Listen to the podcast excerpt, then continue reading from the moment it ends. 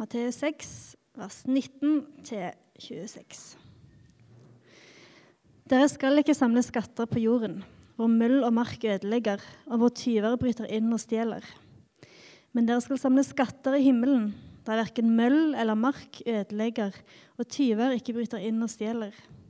For der skatten din er, vil også hjertet ditt være. Øyet er kroppens lampe. Om øyet ditt er klart, er det fordi kroppen er fylt av lys. Men om øyet ditt er sykt, er det fordi kroppen er fylt av mørke. Er nå lyset i deg mørke, hvor dypt blir ikke da mørket? Ingen kan tjene to herrer. Han vil hate den ene og elske den andre, eller holde seg til den ene og forakte den andre. Dere kan ikke tjene både Gud og mammon. Derfor sier jeg dere, vær ikke bekymret for livet, hva dere skal spise eller hva dere skal drikke heller ikke for kroppen, hva dere skal kle dere med. Er ikke livet mer enn maten og kroppen mer enn klærne? Se på fuglene under himmelen. De sår ikke, de høster ikke og samler ikke i hus. Men den far dere har i himmelen, gir dem føde likevel. Er ikke dere mer verdt enn de?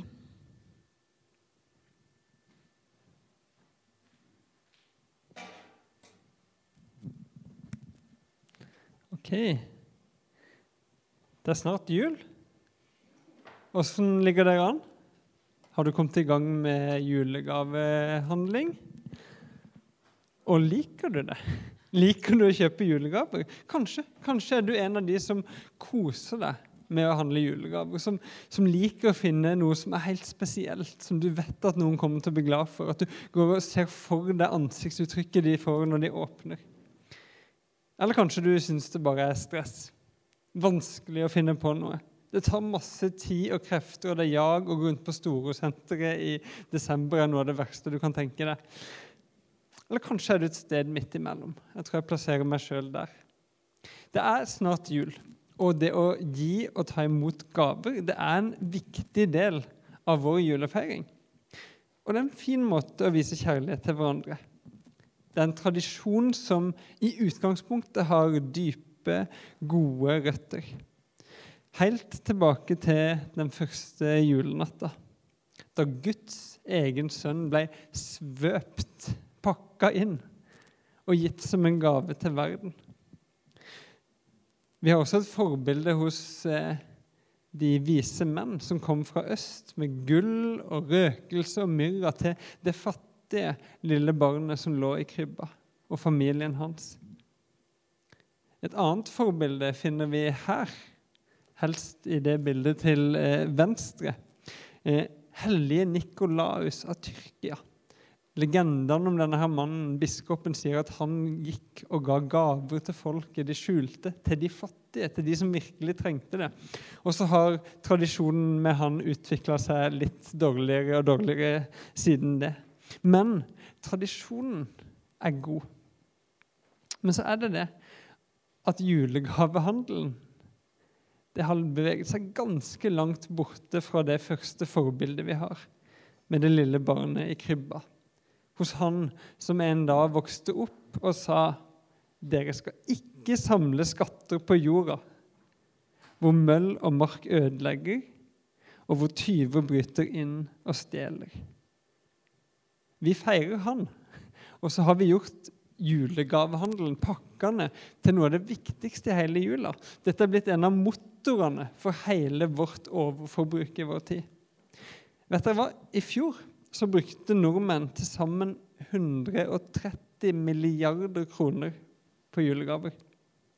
Og til sammenligning så brukte den norske stat det året 40 milliarder på bistand. Så 130 milliarder på julegaver til folk som har alt de trenger, og 40 milliarder fra staten til de som nesten ikke har noen ting. Jeg vet ikke hva folk ga privat det samme året. Men altså, det har gått helt over styr. Folk tar opp forbrukslån på vei inn i jula. Og vi kjøper masse greier til hverandre som vi ikke trenger. Og på veien så, så ødelegger vi jorda vår. Vi masseproduserer ting ødelegger økologi, natur og klima, ja, hele det livsgrunnlaget som Gud har gitt oss i gave. Og sånn kan vi vel ikke holde på, tenker jeg. Jeg håper det rykker litt i dere også når dere tenker på dette. Så det jeg håper at i dag og neste søndag at vi kan gå litt tilbake til røttene. Til det lille barnet i krybba som lærer oss å leve med åpne hender. Har jeg ingen der, ja? I dag vil jeg snakke om å ha åpne hender som gir, sånn at vi ikke holder så fast på det vi eier, men gir til de som trenger det. Og Neste søndag skal det handle om å ta imot med åpne hender, som ikke er lukka, som ikke er for stolte til å ta imot gaver når Gud vil gi det til oss, og når andre mennesker vil gi det til oss. Eh, jeg har lyst til å be før vi skal gå gjennom den bibelteksten som Britt leste for dere i stad. Gud, her er vi. Det er midt i desember, midt i advent. Vi er på vei mot jul. Jeg ber om at du må lære oss noe i dag som kan oppleves eh, frigjørende. At vi får tak i noe i ditt ord som er til oss, og som er gode nyheter for oss. Jeg ber om at du må hjelpe meg å formidle som best jeg kan.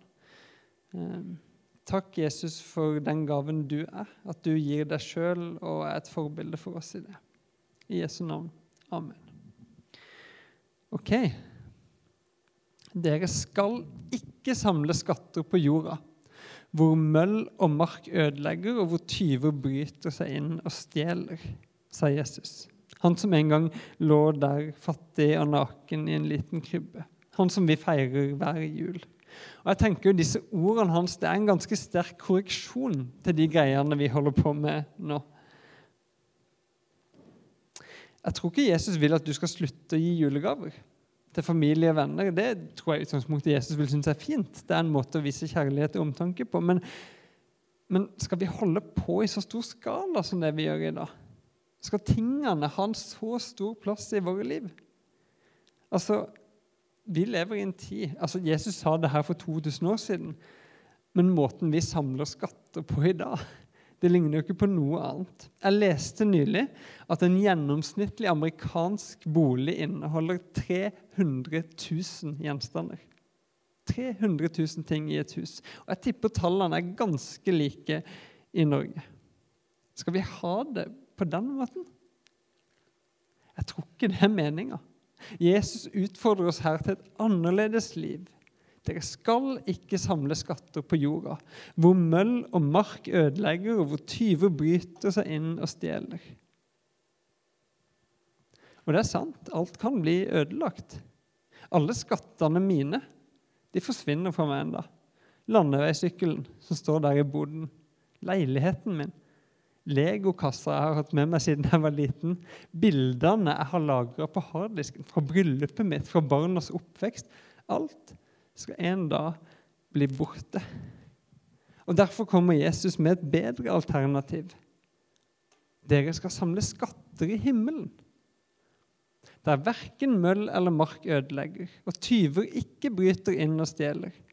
For der skatten din er, vil også hjertet ditt være. Det høres jo lurere ut, men også litt vanskelig å forstå. For hva, hva, er det egentlig han vil at vi skal samle på? da? Et eller annet åndelig? Et eller annet som ikke er konkret? Jeg lurte på det her, så jeg har bladd og lest og tenkt og studert tekstene om hva Jesus sier om å samle skatter i himmelen. Eh, og det jeg fant ut, da, i sum er at hvis du skal samle skatter i himmelen, så er det én ting du kan gjøre. Og det er å gi. Det er å gi. Og Da tenker du kanskje at nå skal pastoren begynne å si at du må gi til kirka. Du må gi sånn at vi kan dele evangeliet, sånn at mennesker kommer til himmelen. For det er de som er skattene. Og ja, jo da. Jesus sier noe som absolutt kan tolkes i den retninga der. I Lukas 16 så sier Jesus, 'Skaff dere venner ved hjelp av den uhederlige mammon.' Det er en måte å si penger og ting.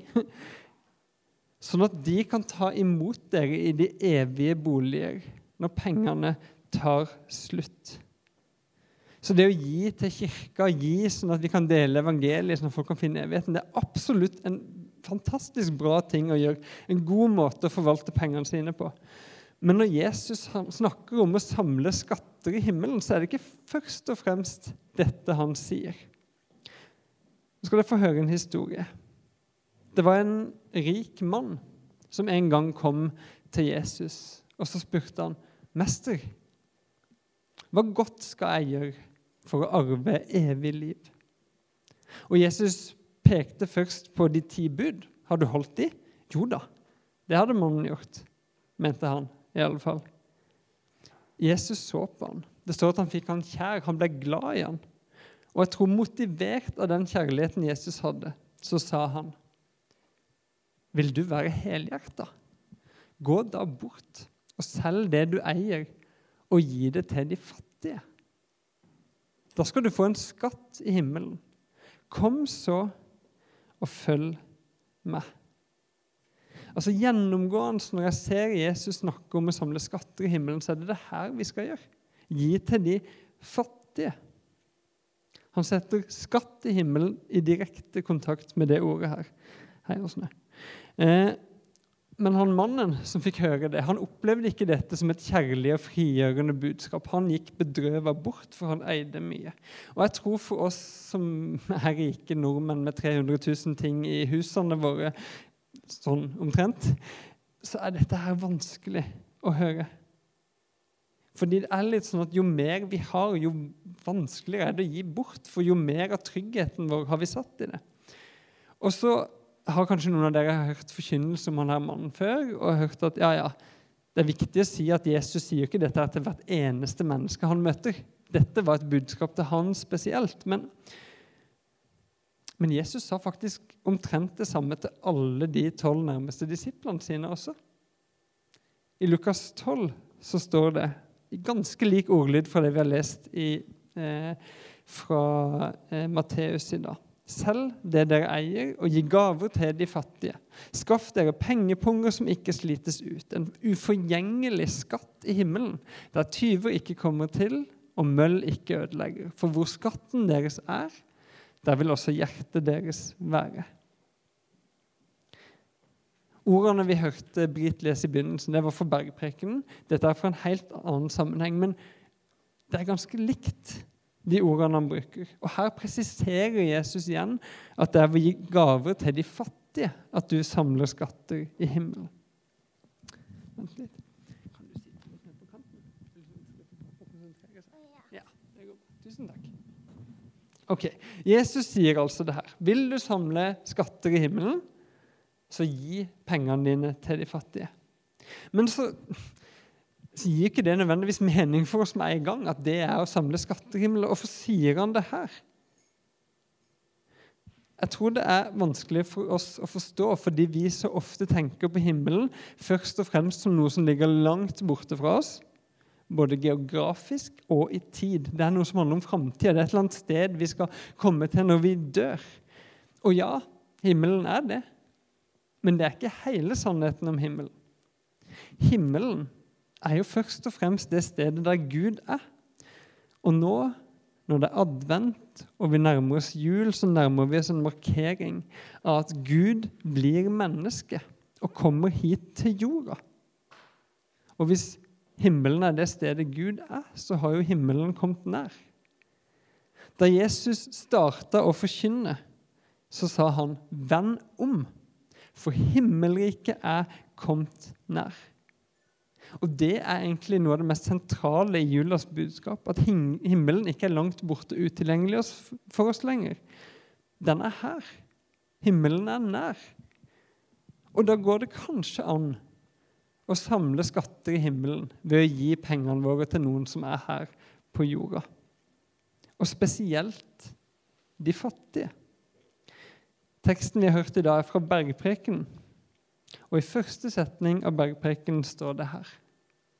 Salige er de fattige i ånden, for himmelriket er deres. Fattige i ånden, er det det samme som å være fattig, da? Har dette noe med penger å gjøre? Kanskje. Kanskje ikke. Men bla om til Lukas evangeliet, da. Så står det 'salig er dere fattige'. Guds rike er deres.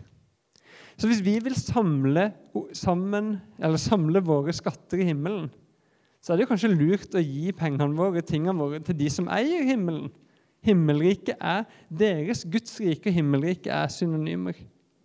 Så det å investere, eller gi til de fattige, det er en måte å investere i himmelen, i det evige, i det Gud er opptatt av. Henger dere med? Det er liksom bibelundervisning i dag. Eh, les tekstene når dere kommer hjem, hvis dere faller av i svingene. Jeg tenker at når vi gir, Det er en utrolig god ting å gi til de fattige. Det kan bety så mye for et annet menneske å få. Eh, og jeg tror det er to måter som er godt å tenke at man skal gi. For det første gi regelmessig. For det andre gi spontant. Nå blir det en liten praktisk greie her midt i talen. Eh, jeg tror det er bra å gi regelmessig. Å bestemme seg for hvor mye du vil gi fast hver måned, og til hvem. Bruk gjerne avtalegiro, sånn at pengene går ut av seg sjøl om du vil det eller ikke. Kanskje fordeler du til mange organisasjoner og formål. Litt til kirka, litt til en bistandsorganisasjon, litt til nødhjelp, litt til misjon. Det bestemmer du sjøl. Og så, ja, Hvor mye skal du gi fast? Det er også opp til deg. Noen sier 10% er bra. Noen sier det er altfor lite. Og noen ser at det har de ikke mulighet til. I andre Korinterbrev, der Paulus driver og samler inn en gave til de fattige i Jerusalem, kirka som hadde mista nesten alt de hadde, så sier han enhver skal gi det han har bestemt seg for i sitt hjerte, ikke med ulyst eller av tvang, for Gud elsker en glad giver. Og Når vi hører de ordene, så tenker vi fort ah, bra, da trenger jeg kanskje ikke å gi så mye, da. Vi har så lett for å tenke på hva vi kan holde tilbake. Vi, vi lukker hendene våre så fort. Men Jesus inviterer oss til å åpne hendene. Og vet du hva? Jeg tror du blir friere og gladere jo mer du gir. Givertjeneste, det å dele dine gaver, eiendeler, eh, penger, det er ikke en byrde, først og fremst. Det er en fantastisk mulighet du har. Og så går det an å gi spontant. Å gi når det er noe som beveger ditt hjerte, noe som vekker din barmhjertighet, når det dukker opp en mulighet til å være raus med andre. Kanskje fikk noen lyst til å sjekke opp Mercy Ships da Kent fortalte om det i stad. Forrige søndag så hadde vi adventskonsert. Og da fikk vi en sånn mulighet til å gi en spontan gave. Vi samla inn penger til Sagene frivilligsentral her i bydelen vår. Og de, de jobber for å engasjere til, og inspirere til frivillighet og avhjelpe nød i bydelen. Og det finnes nød i bydelen vår. Det er folk her som ikke har råd til å betale strømregninger. Det er folk som er ensomme. Det er folk som ikke har, har maten de trenger for å få til en ordentlig julefeiring. Og jeg, jeg tenker det at for en fantastisk mulighet det var for oss å kunne gi en gave dit. Også akkurat til de. Altså Frivilligsentralen på Sagene er utrolig bra. For der er det ikke noe tydelig skille mellom de og oss. Mellom den som trenger, og den som hjelper. Mellom fattig og rik. Der kan alle komme med åpne hender. Både for å bli hjulpet og for å hjelpe. Kanskje på samme gang de er der.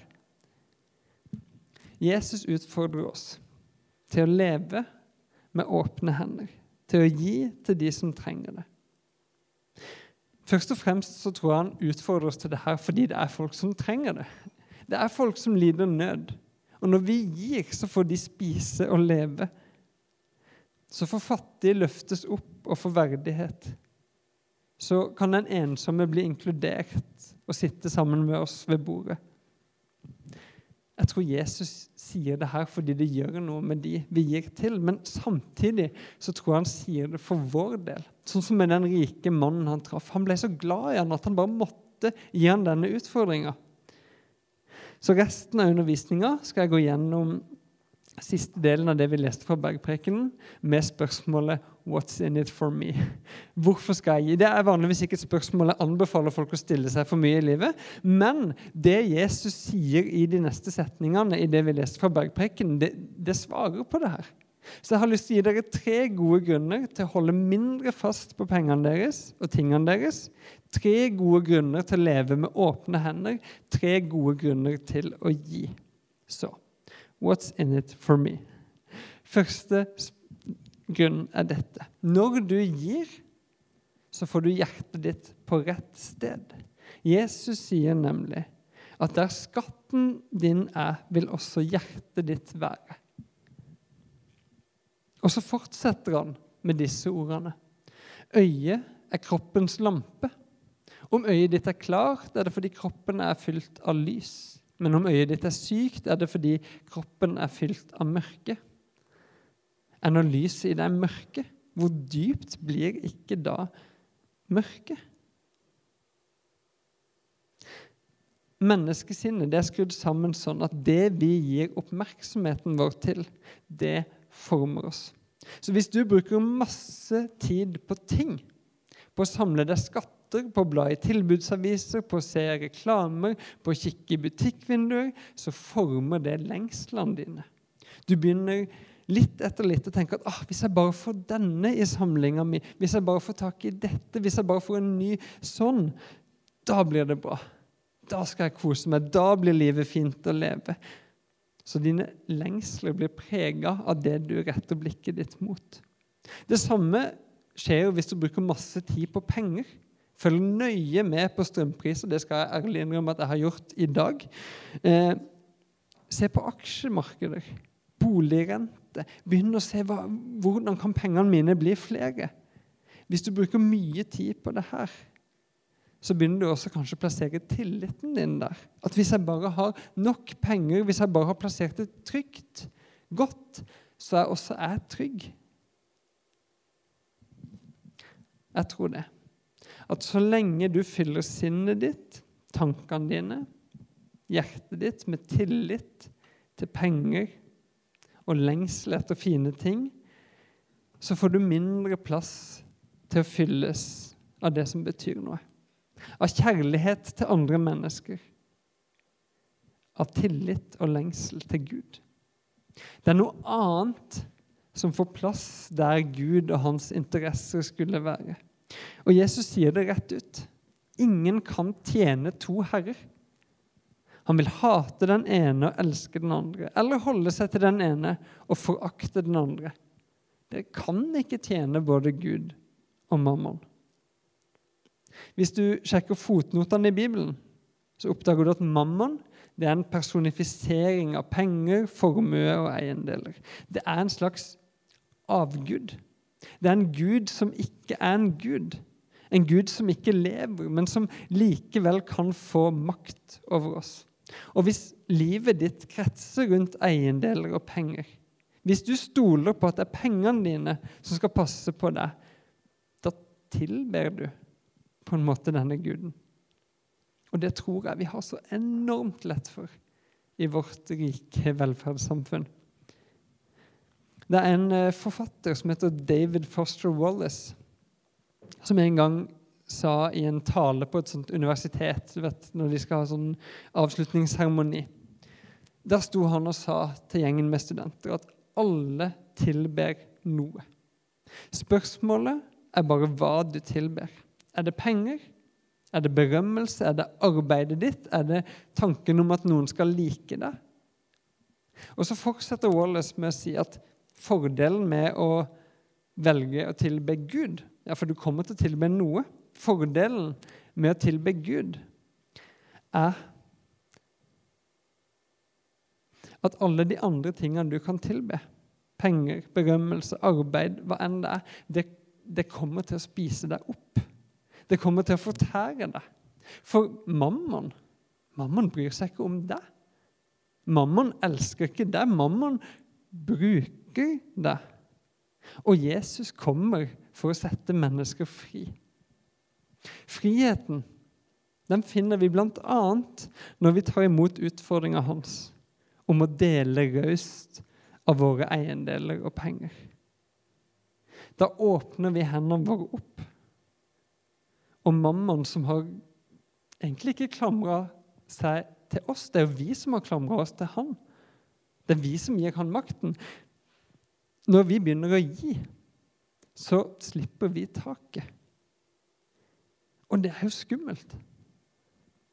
Når jeg slipper taket på mammaen ved å altså, gi mer enn jeg føler jeg egentlig har råd til, eller noe sånt, det er ikke så ofte jeg tør det, så, så opplever jeg samtidig at jeg faller ut av hendene hans.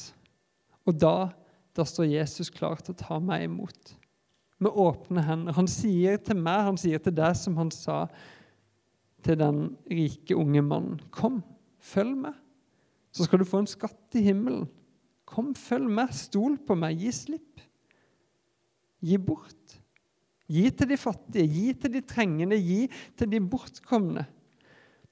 Og kjenn at hjertet ditt blir fylt av kjærlighet til de. For der skatten din er, vil hjertet ditt være. Jeg tror vi gradvis begynner å elske det vi gir til, det vi bruker pengene på. Og når vi gir til de fattige, da blir vi forent med Jesus sine interesser i verden. Han brant for dem, han brenner for dem. Da plasserer vi pengene der Jesus vil at vi skal ha dem. Da får vi hjertet på rett sted. Den andre gode grunnen til å leve med åpne hender som gir, er dette. Du bekymrer deg mindre. Det høres jo litt sånn kontraintuitivt ut. Kan det stemme? At når, når, du gir bort penger, når jeg gir bort penger og får mindre å rutte med, mindre å ta av, og en eller annen utgift dukker opp, så, så skal jeg føle meg tryggere? Vel, Jesus sa jo dere kan ikke tjene både Gud og mammon. Og så fortsetter han da med disse ordene. Derfor sier jeg dere, vær ikke bekymra for livet, hva dere skal spise, eller hva dere skal drikke. Heller ikke for kroppen, hva dere skal kle dere med. Er ikke livet mer enn maten og kroppen mer enn klærne?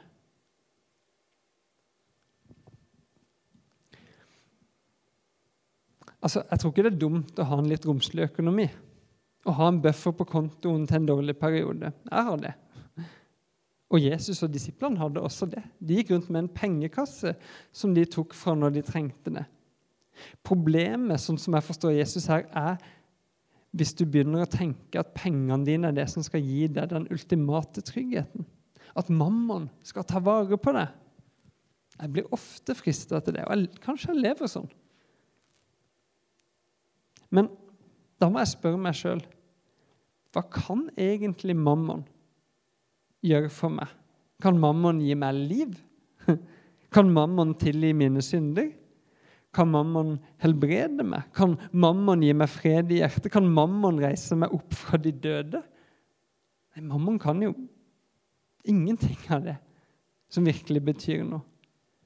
Himmelens og jordens skaper, derimot, han kan alt dette.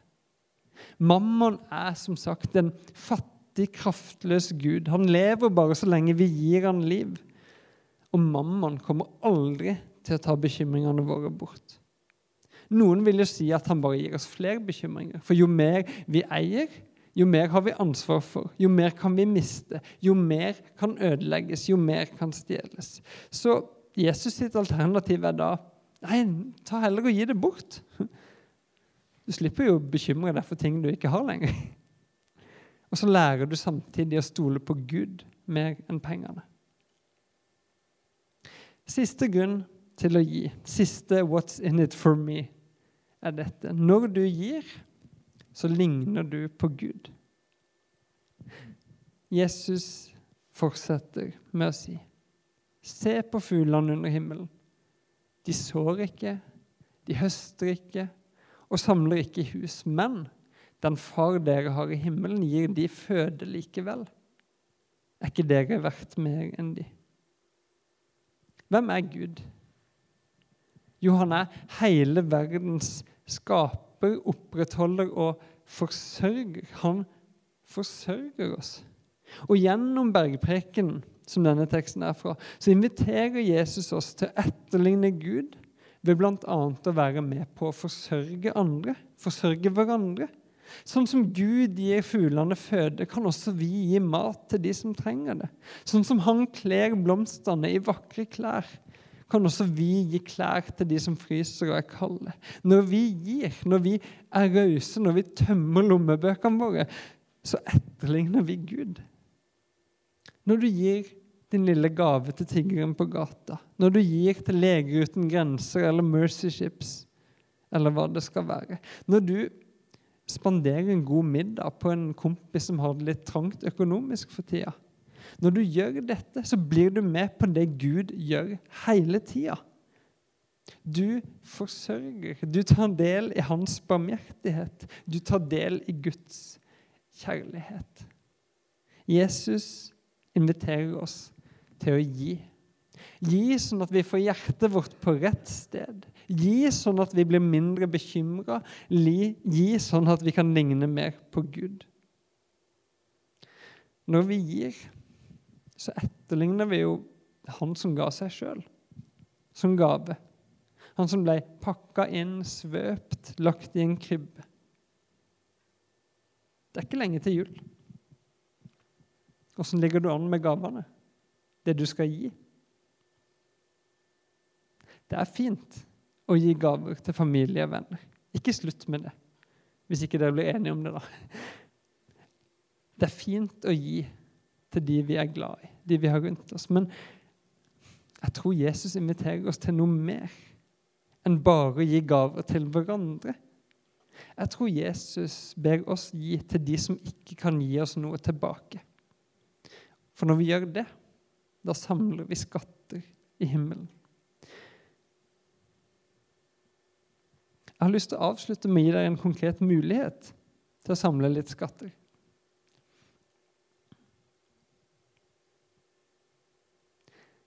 Misjonskirka Norge, som Bjølsen misjonskirke er en del av, har nå en julekampanje. Vi har noen søstermenigheter i Polen som nå står midt i en strøm av flyktninger på vei ut av Ukraina. Og Der står de, ganske små og fattige menigheter, og bruker alt de har av ressurser for å gi nødhjelp til de som er på flukt, for å gi fremtidshåp til de som er på flukt. Og hvis vi gir til de, så kan de få til enda mer. Så jeg har lyst til å utfordre dere til å finne fra mobilen, gå inn på VIPS og samle en skatt i himmelen. Gi en raus gave til disse menneskene som, som plutselig har fått snudd livet på hodet på en så utrolig forferdelig måte. Et siste ord fra Paulus. Da han samla inn en gave til de fattige, så sa han denne gangen har dere overflod og kan hjelpe de som lider nød. En annen gang har de overflod og kan hjelpe dere når dere lider nød. Så når vi gir, så plasserer vi oss ikke over de, men sammen med de, ved siden av de. Vær så god, nå er det en mulighet til å samle en skatt i himmelen, og så blir det noe sang og nattverd etter det.